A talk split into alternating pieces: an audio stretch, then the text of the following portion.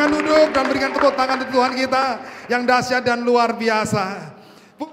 Puji Tuhan saudara. Saudara masih kita mengerti untuk dalam hidup kita. Sebuah goncangan akan menjadi bencana bagi orang yang tidak percaya pada Kristus. Tapi sebuah bencana atau goncangan saudara akan membuat bagi orang yang percaya kepada Kristus, membuat imannya semakin intim dan semakin bertumbuh di dalam Tuhan. Saya ulangi sekali lagi saudara. Sebuah goncangan akan menjadi bencana bagi orang yang tidak mengenal Kristus. Karena mereka nggak ada harapan.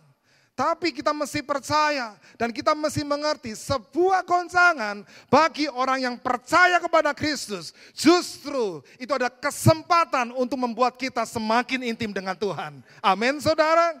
Nah dalam 2 Korintus 4 ayat yang ke-13. Mari kita baca sama-sama. 2 Korintus 4 ayat yang ke-13. Namun karena kami memiliki roh iman yang sama, seperti ada tertulis, aku percaya sebab itu aku berkata-kata. Maka kami juga percaya dan sebab itu kami juga berkata-kata. Saudara, kita mesti percaya kepada firman Tuhan. Firman Tuhan adalah ya dan amin saudara. Ini saatnya saudara, dalam masuk dalam tahun P, kita selalu mengucapkan firman Tuhan. Jangan mendengar atau mengucapkan yang lain selain firman Tuhan. Karena kita percaya firman itu akan mengubah hidup kita. Ada amin saudara? Ucapkan terus, ucapkan terus, ucapkan terus firman Tuhan. Sampai saudara mengalami saudara, iman saudara tumbuh dan berkembang. Roma 10 ayat 17. Jadi Iman timbul dari pendengaran. Pendengaran akan firman Kristus. Bukan pendengaran yang lain. Oleh sebab itu Bapak Ibu semua yang ada di tempat ini. Mari kita percaya. Terus ucapkan perkataan firman.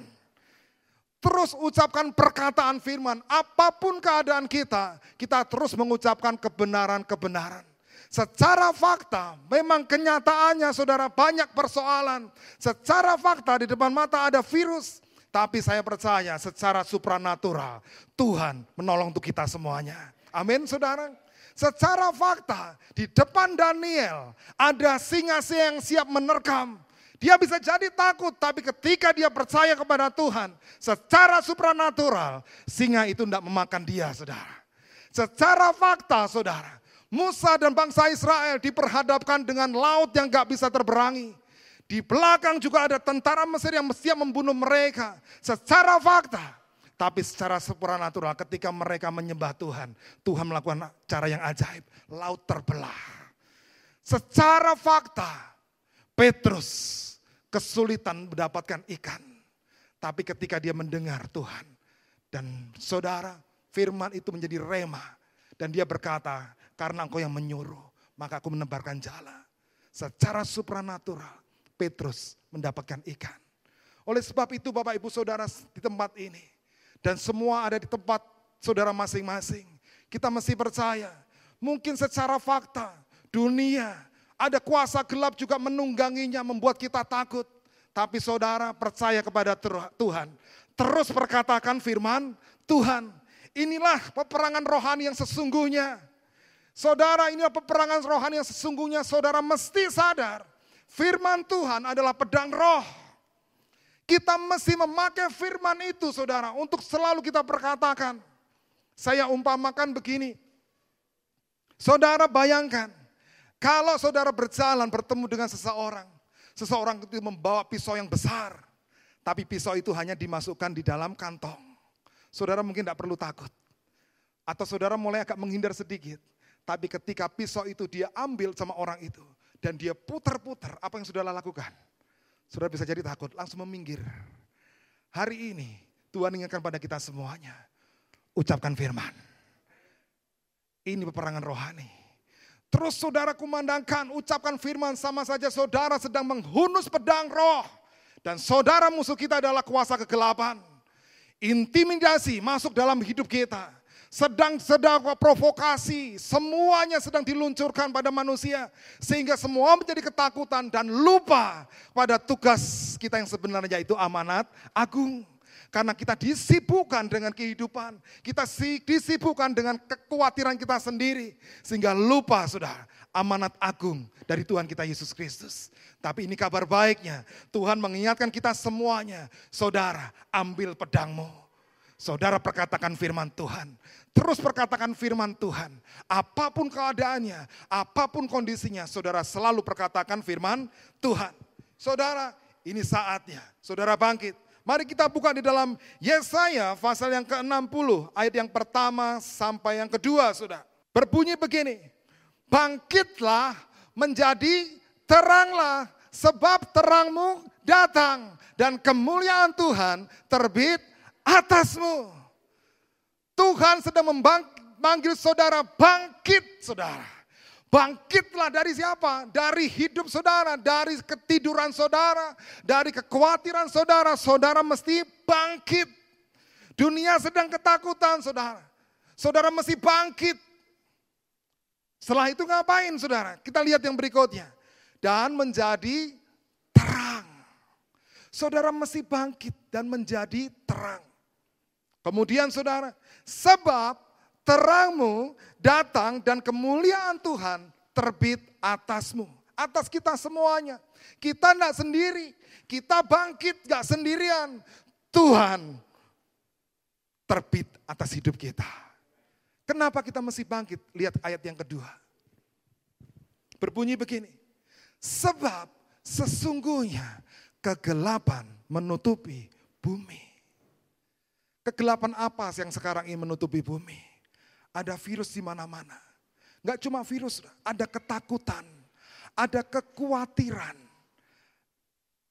Ada saudara ketakutan dan yang ada di mana-mana. Oleh sebab itu saudara-saudara mesti bangkit. Ini panggilan, ini justru kesempatan untuk kita semuanya. Memberitakan amanat agung. Kenapa? Kegelapan menutupi bumi. Dan kekelaman menutupi bangsa-bangsa. Kekelaman bicara tentang ada harapan.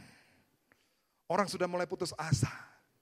Ada satu teman ngomong, bro, aku ini kayak mie instan di supermarket. Loh kenapa? Ke mana-mana selalu didit kepalaku. Ke bank didit, saudara. Ngeri, saudara. Dan dia khawatir, kayak nggak ada harapan. Tapi saya mau beritahu untuk kita semuanya, saudara mesti bangkit. Yesaya 60 ayat 2. Dan kekelaman menutupi bangsa-bangsa, tetapi terang Tuhan terbit atas kita dan kemuliaannya menjadi atas kita saudara. Ini kesempatan untuk kita semuanya. Ayo saudara-saudara di tempat ini kita mesti bangkit. Nah oleh sebab itu dalam firman Tuhan hari ini saya judul ada beri judul panggilan untuk bangkit. Wake up calling saudara. Ayo saudara, saudara mesti bangun dari tidur saudara. 1 Yohanes 4 ayat yang keempat. Kamu berasal dari Allah, anak-anakku, dan kamu telah mengalahkan nabi-nabi palsu itu. Sebab roh yang ada di dalam kamu lebih besar daripada roh yang ada di dalam dunia. Saudara, kita tidak perlu takut. Karena ada roh Tuhan di dalam hidup kita. Dan kita tahu roh yang ada di dalam hidup kita itu adalah lebih besar daripada yang di dalam dunia.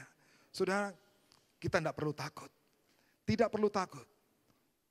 Pesan Yesus, pesan pembala pembina kita, pesan gembala di tempat ini, jangan takut, jangan khawatir. Ada Tuhan bersama dengan kita. Amin saudara. Nah oleh sebab itu saudara, kita mesti menghidupin firman Tuhan, yaitu Mazmur 91. Mari kita buka di dalam Mazmur pasal yang ke-91. Dan saya mengajak saudara untuk membukanya Mazmur 91 ayat yang ke-14 sampai yang ke-15, Saudara. Dan Saudara beri tanda di sana, kita menghidupi Mazmur 91, Saudara. Yaitu apa saudara? Bukan hanya mengucapkan tanpa saudara mengerti, baca saja, baca saja, saudara tidak ngerti, nggak akan ada gunanya. Tapi saudara, saudara mesti menghidupin firman Tuhan. Saudara lihat Mazmur 91 ayat yang pertama. Bunyinya apa saudara? Mazmur 91 ayat yang pertama. Orang yang duduk dalam lindungan yang maha tinggi dan bermalam dalam naungan yang maha kuasa. Stop sampai di sini. Orang yang duduk dalam lindungan yang maha tinggi. Saudara bandingkan dengan Mazmur 1 ayat yang ke satu sih. Nggak usah dibuka, saya ngomong saja pada saudara. Di situ dikatakan berbahagialah orang yang tidak duduk dalam kumpulan pencemooh. Saat ini saudara duduk dengan siapa? Kalau saudara mengucapkan Mazmur 91 tapi hidup saudara masih saja sembarangan saudara. Saudara sama saja saudara nggak duduk dalam lindungan yang maha tinggi. Saudara orang yang duduk dalam lindungan yang maha tinggi, dia sangat menghormati yang maha tinggi itu saudara. Orang yang duduk dalam lindungan yang maha tinggi, saudara kita mesti harus mengerti firman Tuhan ini. Jadi firman Tuhan harus hidup di dalam hidup kita saudara.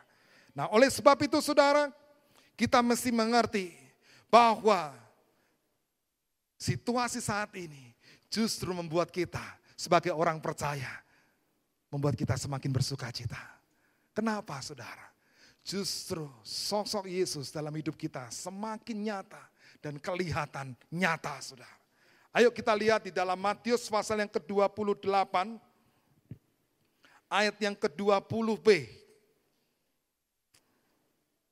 Itu berbunyi, dan ketahuilah aku Tuhan menyertai kamu, apa saudara? Senantiasa sampai kepada akhir zaman.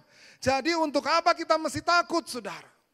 Memang secara manusia kita bisa takut, tapi saudara Tuhan memberitahu pada kita semuanya. Jangan pernah takut saudara. Karena apa? Tuhan menyertai hidup kita. Enggak cuma situ saja, Roma 8 ayat 15, kita buka lagi saudara. Roma pasal yang ke-8 ayat yang ke-15. Sebab kamu tidak menerima roh perbudakan yang membuat kamu menjadi takut lagi. Roh perbudakan yang membuat kita takut lagi. Perbudakan apa yang sekarang dalam hidup kita? Mungkin kedagingan-kedagingan, saudara lepas. Lepaskan itu semuanya. Karena ada Tuhan bersama kita. Dan Tuhan ngomong apa lagi? Tetapi kamu telah menerima roh yang menjadikan kamu apa saudara? Anak Allah. Oleh roh itu kita berseru ya Aba, ya Bapa. Kita dijadikan Tuhan menjadi anak-anak Tuhan. Oleh sebab itu saudara perlindungan begitu nyata dari Bapak kita saudara. Saya seorang papa mempunyai seorang anak saudara. Saya sangat melindungi anak saya saudara. Dan anak saya juga begitu, dia merasakan perlindungan saya sebagai bapaknya.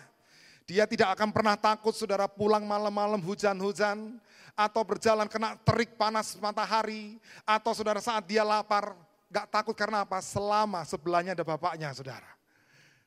Tapi bayangin saudara, kalau sebelahnya gak ada bapaknya, dia gak mungkin saudara, gak takut, dia pasti akan takut. Disuruh mamanya pergi ke dapur malam-malam saudara, ambilkan sesuatu saudara. Takut saudara dengan alasan berbagai macam. Tapi ketika bapaknya ngomong, oke okay, nak, papa temani. Dengan senyum gagahnya saudara, dia pergi ke dapur bersama papanya. Itu ilustrasi tentang papa dengan anak. Dan saat ini, papa dengan kita. Apalagi bapak kita di sorga. Dan saudara dan saya adalah anaknya. Dia akan terus menjaga kita saudara. Oleh sebab itu saudara, jangan pernah takut. Ibadah kali ini saudara, Ibadah online bukan karena takut. Tapi saudara perhatikan, namun gereja kita, ini adalah bentuk respon gereja kita, sudah akan arahan dari pemerintah, saudara.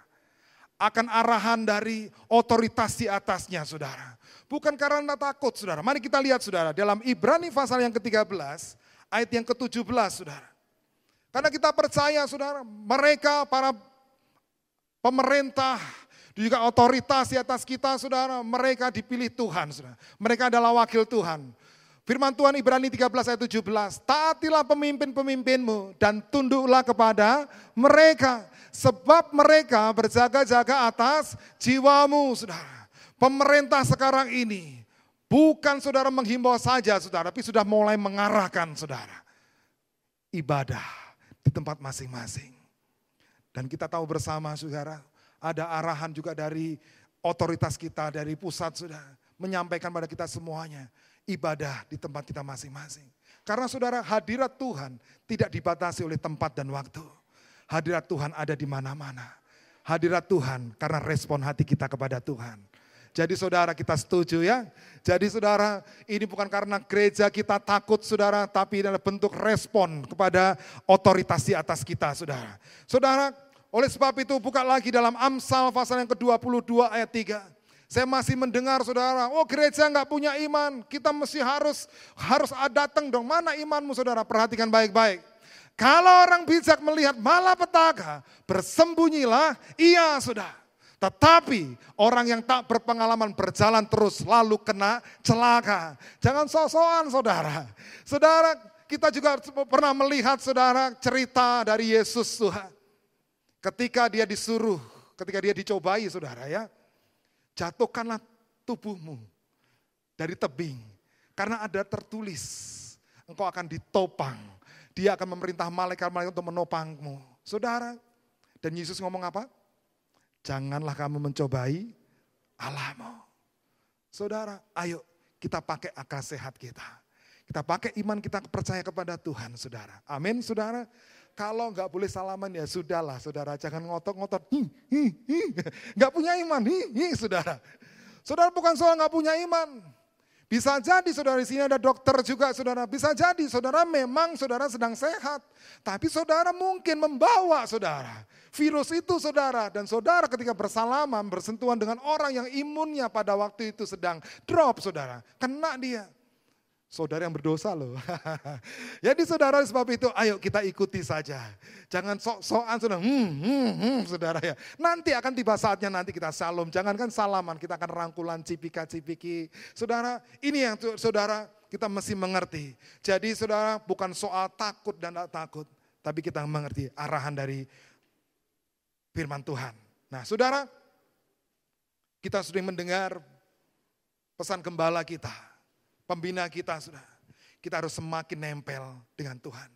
Dan semakin segambar dengan Tuhan. Karena Yesus sudah akan datang sebentar lagi, sedikit lagi. 2 Korintus 3 ayat yang ke-18. Dan kita semua mencerminkan kemuliaan Tuhan dengan muka yang tidak berselubung. Dan karena kemuliaan itu datangnya dari Tuhan yang adalah roh, maka kita diubah menjadi serupa dengan gambarnya dalam kemuliaan yang semakin besar. Saudara, segambar berbicara tentang karakter Kristus. Segambar berbicara tentang berbuah. Saat ini mari saudara-saudara hidupin karakter Kristus dalam hidup kita Hidup kita mesti berbuah. Buah kasih. Buah apa? Damai sejahtera. Buah sukacita. Sudahkah kita berbuah? Karena saudara, kriteria soal buah pohon adalah buah. Dan Tuhan mau kita semuanya berbuah. Oleh sebab itu saudara, kita mesti berbuah dan berbuah. Sampai Tuhan ngomong, Mazmur 91 ayat 14 sampai 15. Poinnya ada di sini saudara.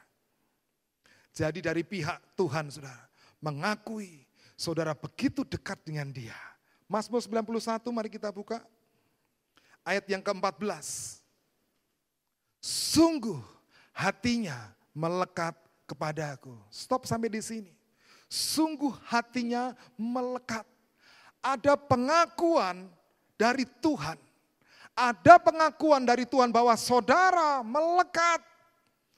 Makanya saudara perlindungan Tuhan sungguh nyata. Melekat berbicara dengan sebuah hubungan.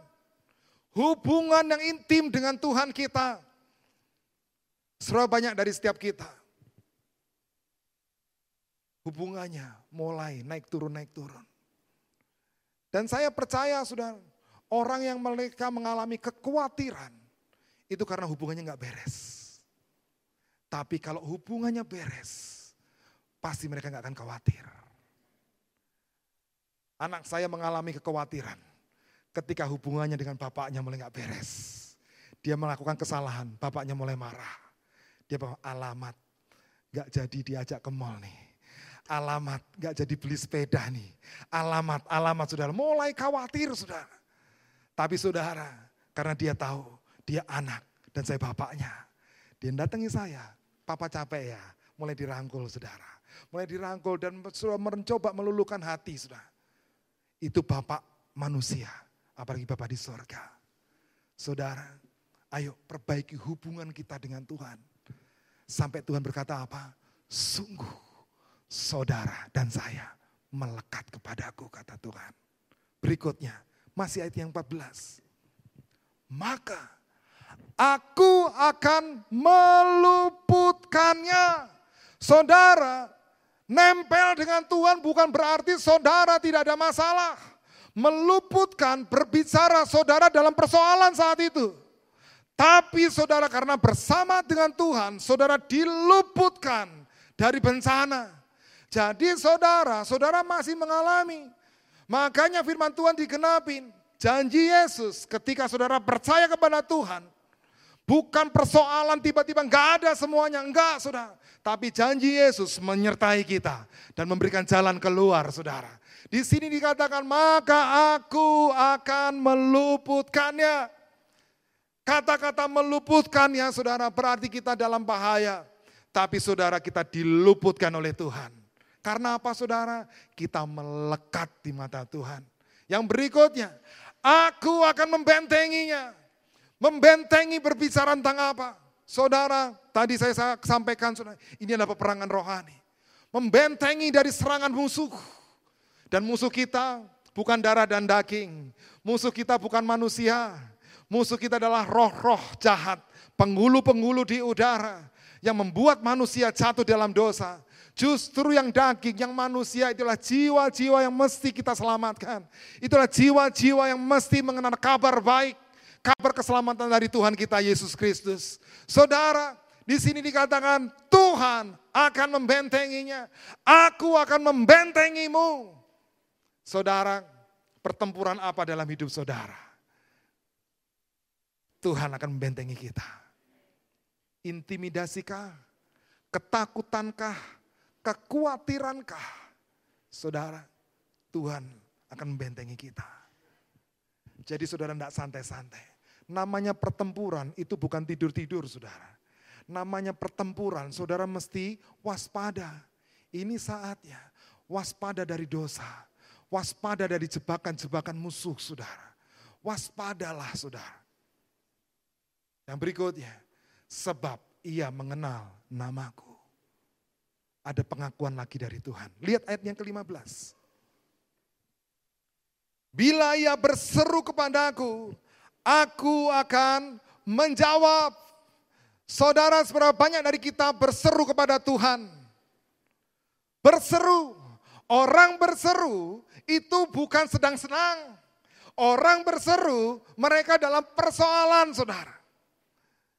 Tapi kalau berteriak-teriak, orang itu sedang bersuka cita. Tapi orang yang berseru itu dalam persoalan. Dalam keadaan yang susah. Tapi mesti berseru-seru pada Tuhan. Maka Tuhan akan menjawab. Musa berseru-seru kepada Tuhan. Maka Tuhan menjawab, laut itu terbelah. Daniel berseru kepada Tuhan, maka singa itu nggak doyan dengan dia, saudara berseru kepada Tuhan. Melekat. Jangan berseru kepada tabungan saudara. Jangan berseru kepada teman saudara. Jangan berseru kepada yang lain. Ketika ekonomi masih masalah. Tapi berseru kepada Tuhan. Tuhan akan bereskan hidup kita. Amin saudara. Dan kemudian saudara. Kalimat yang berikutnya. Aku akan menyertai dia dalam kesesakan. Ketika saya membaca ayat ini, saudara saya teringat dengan ceritanya Yusuf. Saudara perhatikan baik-baik. Ketika Yusuf dan bangsa Mesir mengalami masa tujuh kelimpahan, tujuh tahun masa kelimpahan. Mereka pengusaha-pengusaha saat itu, orang-orang Mesir mengalami kelimpahan. Yusuf juga mengalami kelimpahan. Dan hampir nggak ada perbedaannya. Tapi saudara Tuhan izinkan mengalami tujuh masa kesukaran. Di situlah mulai kelihatan saudara. Pengusaha-pengusaha saat itu mulai banyak bertumbangan, bertumbangan, bertumbangan sana sini, sana sini. Yusuf justru semakin eksis, eksis, semakin eksis dan eksis. Bukan berarti Yusuf tidak mengalami situasi sulit. Dia juga hidup pada zaman itu. Dia juga mengalami saudara panasnya musim paceklik. Dia juga mengalami hal yang sama. Tapi perbedaannya, situasi itu tidak mengalami kehidupan, tidak dialami oleh kehidupan Yusuf. Kenapa? Karena ada Tuhan. Dan semua bisa melihat bahwa kemuliaan Tuhan ada di dalam hidup Yusuf. Ini saatnya saudara. Sekitar kita melihat Tuhan di dalam hidup kita. Mereka juga mengalami. Kita juga ada dalam zaman ini. Kita mulai, kita juga hidup di dalam zaman ini. Kita juga mengalami hal yang sama. Tapi saudara percaya sama Tuhan. Perlindungan Tuhan sungguh nyata dalam hidup kita. Berikutnya, aku akan meluputkannya dan memuliakannya. Kehidupan Yusuf juga dimuliakan oleh Tuhan. Dan dahsyat dan luar biasa. Dan ayat yang terakhir saudara, ayat yang ke-16, bunyinya begini. Dengan panjang umur akan ku kenyangkan dia dan akan ku perlihatkan kepadanya keselamatan dari padaku. Ini janji yang luar biasa. Dengan panjang umur akan ku kenyangkan dia. Bukan dengan panjang umur sakit-sakitan. Bukan panjang umur kelaparan. Enggak. Dengan panjang umur akan ku kenyangkan dia Tuhan memberkati kita itu komplit dan tuntas, saudara. Tidak pernah dia cicil sedikit-sedikit. Dia komplit dan tuntas. Panjang umur dan kenyang dia. Dan berikutnya sudah. Dan akan kuperlihatkan kepadanya keselamatan hanya daripada Tuhan. Saudara, mari kita hidupin firman Tuhan dalam hidup kita. Dan sebagai ayat yang terakhir sudah. Lukas 11 ayat yang ke-28. Saya minta pemain musik WL Singer saudara. Kita akan banyak memuji Tuhan, menyembah Tuhan. Lukas 11 ayat yang ke-28. Tetapi Yesus berkata, yang berbahagialah yang mereka yang mendengarkan firman Allah dan yang memeliharanya. Saudara mesti menjadi orang yang berbahagia. Amen. Kenapa saudara? Karena saudara sudah mendengar firman Tuhan. Saudara nggak cuma mendengar, tapi saudara memeliharanya. Saudara menyimpannya. Saudara melakukannya. Hari ini saudara, tidak ada ketakutan. Tidak ada kekhawatiran lagi dalam hidup kita. Karena ada Tuhan bersama dengan kita. Berikan tepuk tangan untuk Tuhan kita yang dahsyat dan luar biasa. Saya ucap setiap kita bangkit berdiri bersama-sama. Kita menyanyikan pujian. Bahwa Tuhan kita lebih berkuasa Tuhan kita lebih berda, sangat dahsyat. Dialah pencipta langit dan bumi. Haleluya. Allah kuasa segala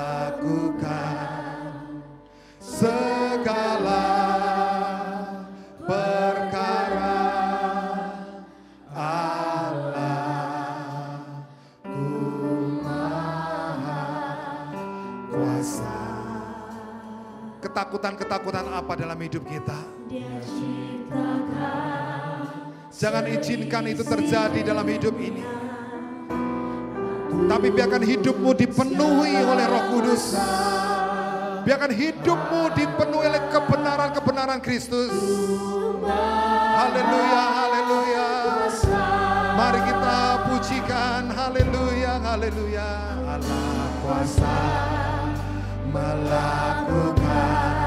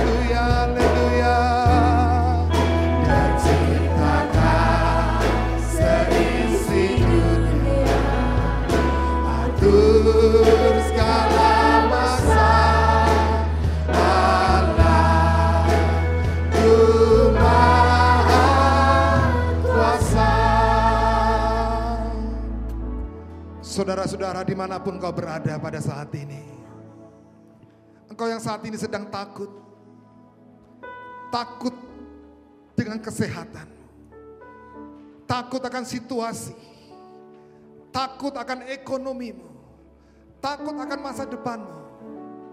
Mari saat ini izinkan Tuhan masuk dalam hidupmu. Izinkan kebenaran-kebenaran Tuhan mengubah pikiranmu Izinkan kebenaran firman Tuhan mengubah hidupmu. Pada hari ini Tuhan mau berbicara pada setiap kita. Bangkit anakku, bangkit semua.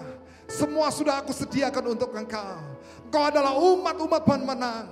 Justru saat ini kita semua dipakai Tuhan untuk memenuhi amanat agung Tuhan kita Yesus Kristus. Jangan mau dibodohi kuasa kegelapan dengan dia melempar dengan ketakutan-ketakutan sehingga fokus kita menjadi jauh dari Tuhan.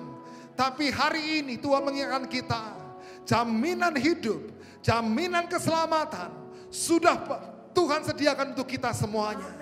Oleh sebab itu mari saudara, kita mulai fokus pada Tuhan. Mari kita mulai fokus pada rumah Tuhan. Firman Tuhan berkata dalam kitab Hagai, sudah tiba saatnya kah kita ngurusi rumah kita sendiri. Sedangkan rumah Tuhan dibiarkan begitu saja. Saudara, saat ini Tuhan sedang berbicara kepada sekitar kita semuanya. Carilah dahulu kerajaan Allah dan kebenarannya. Maka semuanya itu akan ditambahkan kepada setiap kita. Mari saudara kita akan nyanyikan pujian ini sekali lagi.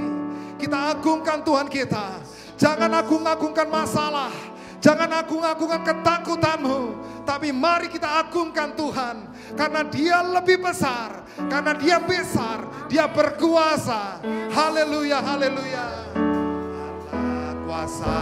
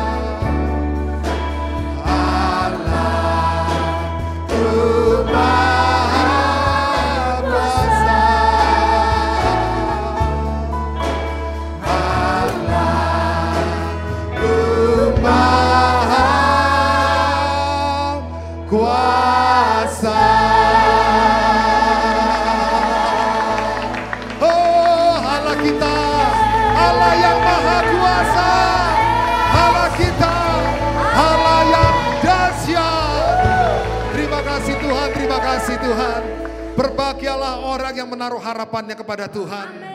Karena dia tidak akan pernah dipermalukan. Terima kasih Tuhan, terima kasih Tuhan. Hamba sudah selesai berbicara, tapi Tuhan, Engkau Tuhan Roh Kudus akan terus berbicara pada setiap mereka.